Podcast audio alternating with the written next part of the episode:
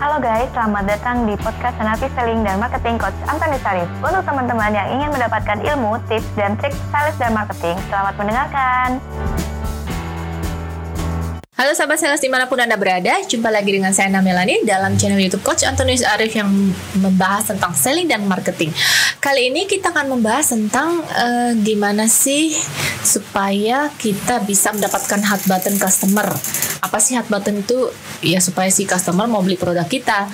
Nah, mau tahu lebih jauh yuk kita simak yang berikut ini ya. Sebelum Anda lanjut nonton video ini, silakan Anda subscribe, like, dan share kepada teman-teman Anda sehingga channel ini bisa bertumbuh.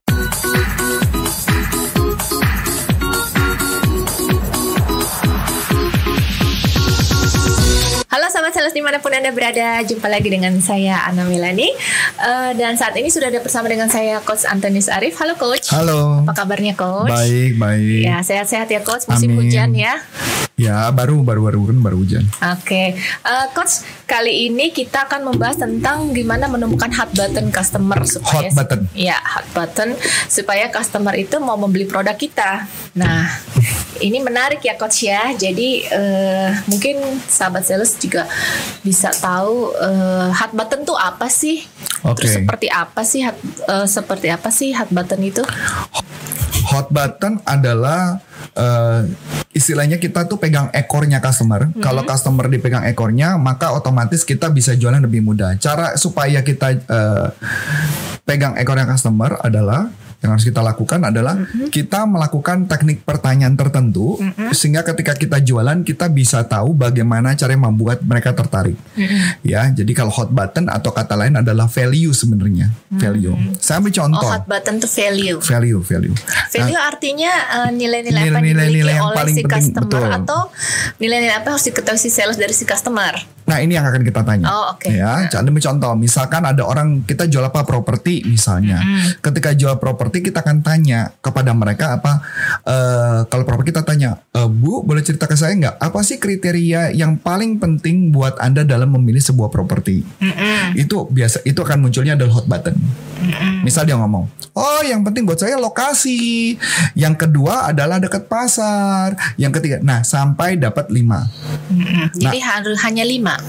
Eh, sebenarnya bisa banyak, tapi idealnya adalah minimal kita pegang adalah minimal tiga, maksimum lima. Karena oh, kalau kebanyakan okay. akan mabok buat iya, kita. Iya, iya. Sebagai sales ya, jadi anggaplah jari tangan kita nih lima ya. button customer nah, ya. Bagaimana kalau kita misalkan juga misalnya jualannya asuransi sama kita tanya apa sih kriteria yang paling penting buat anda ketika memilih sebuah asuransi mm-hmm. nah itu biasa anda bisa tanya kepada orang-orang yang sudah punya asuransi mm-hmm. atau itu berkaitan dengan kriteria bu Nah, itu yang pertama.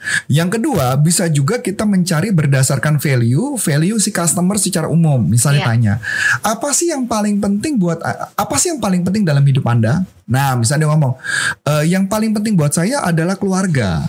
Nah, ketika kita tahu itu keluarga, maka otomatis kayak contoh Bu Ana jualan, maka Bu Ana jualan akan mencoba untuk ngomong tentang keluarganya. Jadi produk kita dikonekkan dengan keluarganya. Ke keluarga. Apakah kalau bang keluarga, kemudian kita tanya, anaknya siapa namanya? Laki-laki, perempuan, umur berapa? Kenapa keluarga penting? Nah, ketika dapat, kita berjualan dengan menjelaskan benefit-benefit kita diarahkan ke keluarga. Hmm, itu yang produk apa pun begitu ya? Uh, nah ini pertanyaan agak tricky nih bu. Uh, nanti ada kemarin soalnya ada yang nanya ke saya gini, masa saya jual beras juga perlu nanya itu? Nah itu kan susah jawab. Ya. Jual beras, jual jual beras, kemudian jual apa air aqua galon kan nggak bisa bu. Nah, Berarti tapi, ada sahabat sales yang bertanya yang sama seperti yang saya uh, tanyakan ya. Jadi makanya kenapa kalau ketika beda kalau ditanya apa sih kriteria? Kalau kriteria mungkin bisa Bu. Apa kriteria yang paling penting buat Anda dalam memilih beras? Itu mungkin bisa. Apa kriteria yang paling penting buat apa sih kriteria uh, beras yang bagus buat kamu kamu suka makan itu bisa. Hmm. kriteria apa yang penting buat saya? Air minum. Dia bilang ah, air apa aja nggak apa-apa. Buat saya kobokan pun saya minum. Ah itu repot bu. Kalau kayak gitu repot tuh udah ngomongnya. Jadi mesti tahu kriteria. Gitu bu. Oke, jadi uh, kriterianya lima. Boleh ini? Tiga minimal, minimal tiga, maksimum, lima. lima. Nah, setelah sudah dapat kriteria, nah tugas kita nih bu, ini ada yang namanya value map. Mm-hmm. Value map adalah memetakan nilai-nilai itu. Jadi misalkan contoh ya kita coba contoh ini saya contohin aja langsung ke ibu ya. Misalnya ibu mau beli misalnya contoh mau beli mobil, anggaplah beli mobil. Nah saya tanya sama ibu nih, bu kriteria mobil yang idaman buat ibu apa aja bu? Yang pertama apa bu? Irit bensin Irit bensin. Yang kedua yang bisa buat keluarga, bawa bisa anak, keluarga, gitu ya. anak dan sebagainya. Yang ketiga bu Eh, ya nyaman sih. nyaman. Nyaman tuh definisi nyaman. Nah ini kalau kita nggak jelas kita gali lebih dalam ya. Nyaman tuh definisinya apa bu? Ah, berarti kalau ada kata seperti itu harus digali lagi Ah, gitu ya, de- coach ya. Definisi am- nyaman itu? Eh, ya kalau misalnya untuk anak-anak buat istirahat tidur gitu Oke, kan. jadi udah buat keluarga, nyaman, buat anak, buat tidur gitu ya. Ya, sebentar lagi saya jualan bus bu. Oh. Oke ya. Yang keempat apa lagi bu yang paling penting? Eh, itu aja sih. Nah bertiga kan mereka. Ah, nah iya. kemudian saya tanya, kan udah ngobrol nih, sambil ngobrol, kemudian ngeliatin mobilnya dan sebagainya. Kemudian saya tanya sama ibu, Oh ini satu lagi. Kalau Boleh. bisa harganya terjangkau ya. harga terjangkau. Dan kalau saya boleh tahu, nah dalil lagi karena harga terjangkau kan semua angkanya acak-acakan nggak jelas. Harga terjangkau itu definisinya apa ya bu? Ya sekitar kalau harga-harga mobil seperti Toyota gitu ya. Toyota berarti tergantung Toyota apa bu? eh, mungkin ya sekitar 100 jutaan ke atas gitu ya. Oh 100 jutaan ke atas. Ya sekarang mobil nggak ada yang 100 jutaan Oh, ke atas. ya? Ada. Kecuali beli mobilnya bukan Toyota bu, mau beli Oh, mobil yang gitu. merek Cina mungkin ada kali bu ya. Jadi misalkan anggap range-nya ada, anggaplah 200 jutaan gitu ya. Iya. 200 jutaan. Maklum eh, Bu Ana ini bukan bukan tukang beli mobil jadi nggak gitu. Makanya dia agak-agak kabu-abu. Tapi kalau ditanya berapa harga cabai pasti dia tahu. ya. Lanjut ya Bu. Anggaplah 200 juta, 250 juta lah anggaplah 250 juta sampai 400. Oke ya. Kemudian saya tanya gini, Bu dari semua yang tadi Ibu sebutkan, harga terjangkau, irit bensin, muat buat keluarga, nyaman bisa buat mereka istirahat. Berempat. Berempat kan, memang empat ya. Mana Spare partnya gampang. Oke, spare partnya gampang. Lima ya bu. Nah sekarang saya mau tanya sama ibu. Nah ini berikutnya ada value map. Dari lima kriteria tersebut, menurut ibu mana yang paling penting dari antara lima bu? Irit. Irit yang paling penting. Oke. Nah terus kemudian saya tanya. Nah kalau makasih bu. Nah kalau saya boleh tahu mana yang paling kurang penting bu dari lima itu bu? Hmm, spare part penting juga sih ya. Hmm, Cuman kan pasti. memang tidak setiap saat Tidak ya. setiap saat. Jadi itu ya bu, spare part. Jadi udah ya. Nah kemudian saya tanya sama ibu, bu sebelumnya saya mau nanya bu, ibu sudah ngeliat mobil apa saja bu? Nah ini adalah mencari tahu dia sudah mengcompare ke mana saja. Hmm, Makanya tekniknya bagus banget nih bu. Compare ke mana aja bu? Wah udah ke mana-mana sih. Bisa Ada merek apa, Bu? Toyota, ha, Honda, Oh, Oke Toyota, Honda. Nah saya mau tanya nih bu, Mitsubishi. Mitsubishi ya. Ini bukan Expander. karena kita mau ngomong tentang tipe merek ya. Ini maksudnya ini kebetulan aja. Jadi anggaplah kita mobil apa antah berantah lah ya. Saya mau nanya sama ibu, bu kalau saya mau tanya bu tadi Toyota. Walaupun ibu nggak ngerti mobil kan Toyota apa gitu nggak ngerti. Eh, Toyota eh, kan tadi ibu bilang yang paling penting irit. Menurut ibu Toyota irit nggak? Irit. Oh irit ya, itu bagus banget. Kata orang ya. Oh kata orang. Oke oke oke. Nah terus kemudian mengenai tadi Honda. Menurut Ya. ibu Honda itu irit nggak bu? Katanya juga irit. Kata irit. Nah Iya. kalau antara Toyota sama Honda menurut ibu yang mana paling irit?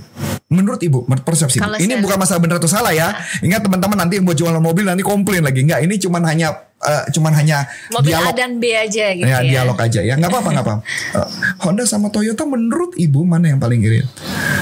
Hmm, kalau teman-teman sih banyak kan pakai Toyota ya. Oh Toyota. Jadi Toyota ya yang sesuai dengan harapan ibu ya bu.